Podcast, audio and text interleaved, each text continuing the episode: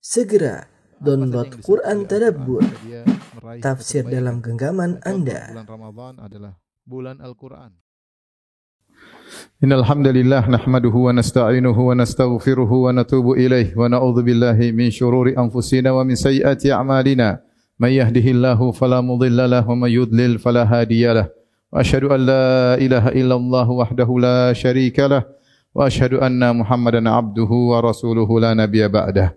يا أيها الذين آمنوا اتقوا الله حق تقاته ولا تموتن إلا وأنتم مسلمون فإن أصدق الحديث كتاب الله وخير الهدى هدى محمد صلى الله عليه وسلم وشر الأمور محدثاتها وكل محدثة بدعة وكل بدعة ضلالة وكل ضلالة في النار معاشر المسلمين أوصيكم ونفسي بتقوى الله فقد فاز المتقون Sungguhnya Allah berikan kepada kita kenikmatan untuk beribadah bersama kaum muslimin yang lainnya.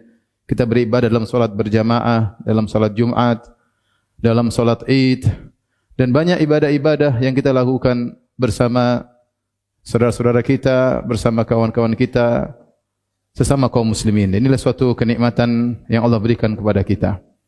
Di sana ada kenikmatan lain, yaitu kita beribadah kepada Allah sendirian, berkhulwat dengan Allah subhanahu wa ta'ala. Kita sisihkan waktu untuk berdua-duaan dengan Allah subhanahu wa ta'ala, lantas kita bermunajat kepadanya, kita mohon kepadanya agar diampuni dosa-dosa, agar diterima taubat kita, agar diberi petunjuk menghadapi berbagai macam ujian kehidupan, agar diberikan husnul khatimah oleh Allah Subhanahu wa taala. Seorang bisa menyempatkan waktu untuk berkhulwat dengan Allah Subhanahu wa taala. Terutama di sepertiga malam yang terakhir di waktu An-Nuzul Al-Ilahi ketika Allah Subhanahu wa taala turun ke langit dunia dan mencari hambanya. Hal min mustaghfirin faaghfirlah. Adakah hambaku yang mohon ampun akan aku ampuni? Hal min da'in faastajibalah. Adakah hambaku yang berdoa akan aku kabulkan doanya? Hal min sa'ilin fa'utiya su'lah. Adakah hambaku yang memohon akan aku kabulkan permohonannya? Betapa indah seseorang ketika dia bangun. Tengah malam kemudian dia membuka Al-Quran lantas dia melantunkannya. Ketika semua orang sedang tidur terlelap istrinya anak-anaknya lantas dia berdua-duaan dengan Allah Subhanahu wa taala. Jikalau dia tidak bisa mampu untuk bangun di tengah malam dia boleh melakukannya sebelum tidur. Sungguhnya berkhulwat kepada Allah Subhanahu wa taala adalah ibadah yang agung karenanya di antara tujuh golongan yang Allah naungi pada hari kiamat kelak Kata Nabi wasallam, "Rajulun dzakarallaha khaliyan fafadat 'ainah." Seorang yang dia berzikir mengingat Allah dalam kesendiriannya, dia sedang berkhulwat dengan Allah. Fafadat 'ainah, kemudian kedua matanya mengalirkan air mata. Dia sendirian, kemudian dia merenungkan keagungan Allah. Dia sendirian, kemudian dia merenungkan tentang dosa-dosanya. Dia sendirian, kemudian merengek-rengek menangis meminta solusi dari Allah Subhanahu wa taala. Maka orang seperti ini akan dinaungi oleh Allah di hari yang sangat dahsyat ketika matahari diturunkan dalam jarak satu mil, semua orang dalam kondisi kepanasan. Ma'asyiral muslimin, sungguhnya dalam kesendirian kita bersama Allah Subhanahu wa taala, Allah akan memberikan banyak hibat, banyak anugerah, banyak pemberian kepada orang-orang yang berkhulwat dengan Allah Subhanahu wa taala. Allah sebutkan beberapa contoh dalam Al-Qur'an. Seperti firman Allah dalam surat Maryam kata Allah Subhanahu wa taala tentang Nabiullah Ibrahim Khalilur Rahman alaihi salam falamma atazalahum wama ya'buduna min dunillahi wa habna lahu Ishaq wa Yaqub wa kullan ja'alna nabiyya Tatkala Ibrahim i'tizal yaitu tatkala Ibrahim meninggalkan mereka meninggalkan ayahnya meninggalkan kaumnya dalam rangka beribadah kepada Allah maka kami anugerahkan kepada dia Ishak dan Yakub dan keduanya kami jadikan nabi. Kapan Allah memberikan dia karunia? Ketika Allah berkata falam ma'tazalahum tatkala dia meninggalkan mereka. Meninggalkan untuk apa? Untuk fokus beribadah kepada Allah Subhanahu wa taala. Maka datanglah anugerah-anugerah Allah dari arah yang tidak disangka-sangka. Lihatlah Nabi Zakaria ketika menemui Maryam Kata Allah Subhanahu wa taala dalam surat Ali Imran, "Kullama dakhala 'alaiha Zakaria al-mihraba wajada indaha rizqa. Setiap kali Zakaria masuk ke mihrab tempat ibadahnya Maryam yang Maryam sedang berkhulwat berdua-duaan beribadah kepada Allah, maka dia mendapati rizqa, ada makanan di situ. Anna laki hadha? Ya Maryam, anna laki hadha? Dari mana kau dapat makanan ini? Qalat huwa min indillah.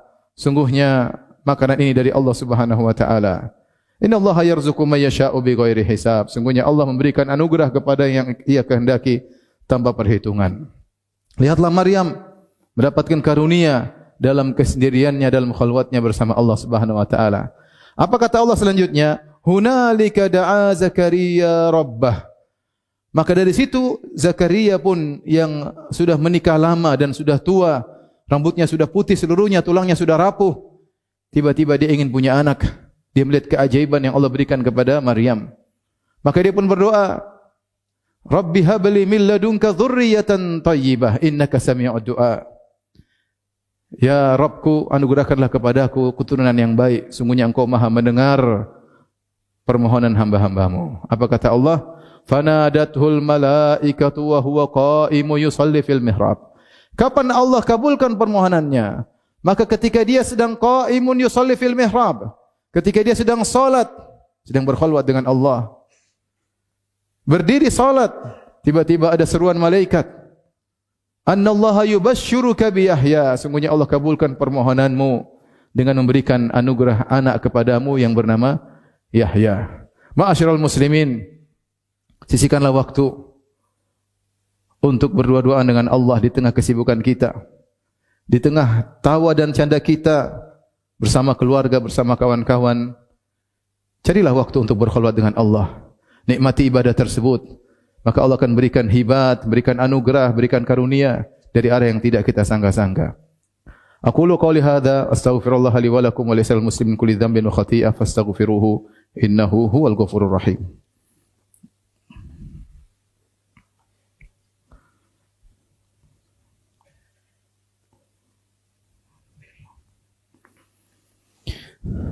Alhamdulillah ala ihsanih wa syukru lahu ala taufiqihi wa amtinanih wa asyhadu an la ilaha illallah wahdahu la syarika lahu ta'ziman li sya'nih wa asyhadu anna Muhammadan abduhu wa rasuluh da'ila ridwanih.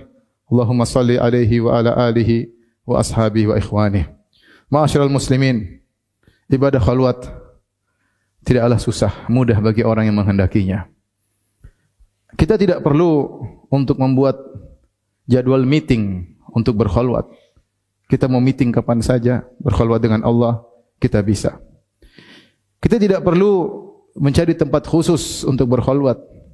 Di rumah juga bisa, di kamar juga bisa, di pojokan rumah juga bisa, di masjid juga bisa kita berkhulwat dengan Allah Subhanahu wa taala.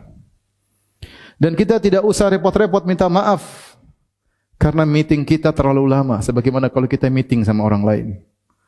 Kenapa? Karena Allah Subhanahu wa taala suka hambanya yang bermunajat kepadanya. Suka hambanya yang berlama-lama memohon kepada Allah Subhanahu wa taala. Kita tidak perlu minta maaf kepada Allah karena permohonan kita banyak. Tidak perlu. Karena Allah suka dengan hambanya yang meminta kepadanya. Dan kita tidak perlu minta maaf karena mengulang-ulangi permohonan meminta ini, meminta itu, bertobat berulang-ulang. Karena Allah suka dengan hambanya yang ilha, yang mengulang-ulangi permohonannya. Dan kita tidak perlu malu untuk mengakui kesalahan. Tidak seperti sesama manusia, kita takut kalau kita ngaku, kita akan kena dampaknya. Karena kalau kita mengaku di hadapan Allah Subhanahu wa taala, maka Allah senang dengan pengakuan tersebut. Dan kita tidak perlu menyusun kata-kata yang indah. Ketika kita bertemu dengan penguasa, dengan pejabat, kita hanya menyampaikan sebisanya kepada Rabbul Alamin. Karena Allah sudah tahu masalah kita sebelum kita sampaikan. Dan kita tidak perlu malu untuk menangis karena menunjukkan kelemahan kita di hadapan Allah. Karena orang yang lemah di hadapan Allah kuat di sisi Allah Subhanahu wa taala. Maka sampaikanlah keluh kesah kepada Allah Subhanahu wa taala dalam kesendirian.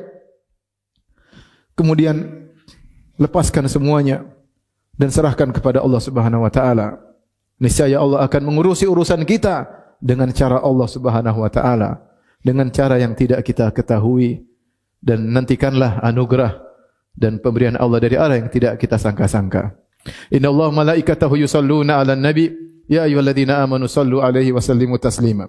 Allahumma salli ala Muhammad wa ala ali Muhammad kama sallaita ala Ibrahim wa ala ali Ibrahim innaka Hamidum Majid. Wa barik ala Muhammad wa ala ali Muhammad kama barakta ala Ibrahim wa ala ali Ibrahim innaka Hamidum Majid. Allahumma ghfir lil muslimina wal muslimat والمؤمنين والمؤمنات الأحياء منهم والأموات. إنك سميع قريب مجيب دعوات ويقاضي الحاجات. اللهم اغفر لنا ولوالدينا وارحمهم كما ربونا صغارا. اللهم اغفر لنا ولوالدينا وارحمهم كما ربونا صغارا. ربنا آتنا في الدنيا حسنة وفي الآخرة حسنة وقنا عذاب النار. أقيموا الصلاة.